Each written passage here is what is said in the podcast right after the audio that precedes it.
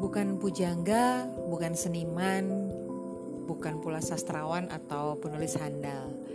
Ini cuma sekedar coret-coret belaka yang terlintas di pikiran, kemudian terwujud dalam sebuah kalimat demi kalimat, tersusun paragraf demi paragraf, dan menghasilkan sebuah tulisan yang ya semoga bisa mewakili apa yang ada di dalam hati, jiwa, raga, pikiran, penglihatan, perasaan, dan semua panca indera.